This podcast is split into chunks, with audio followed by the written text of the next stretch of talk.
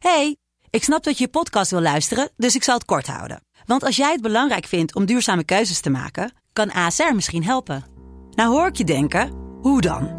Nou, bijvoorbeeld bij het duurzaam herstellen van schade. Of de premies die we beleggen volgens ons duurzaam beleggingsbeleid. Dat bepaalt waar we wel en juist niet in investeren.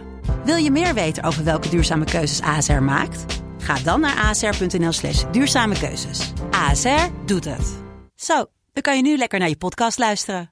Hey, ik snap dat je je podcast wil luisteren, dus ik zal het kort houden. Want als jij het belangrijk vindt om duurzame keuzes te maken, kan ASR misschien helpen. Nou hoor ik je denken, hoe dan? Nou, bijvoorbeeld bij het duurzaam herstellen van schade. Of de premies die we beleggen volgens ons duurzaam beleggingsbeleid. Dat bepaalt waar we wel en juist niet in investeren. Wil je meer weten over welke duurzame keuzes ASR maakt? Ga dan naar asr.nl slash duurzame keuzes. ASR doet het. Zo, dan kan je nu lekker naar je podcast luisteren.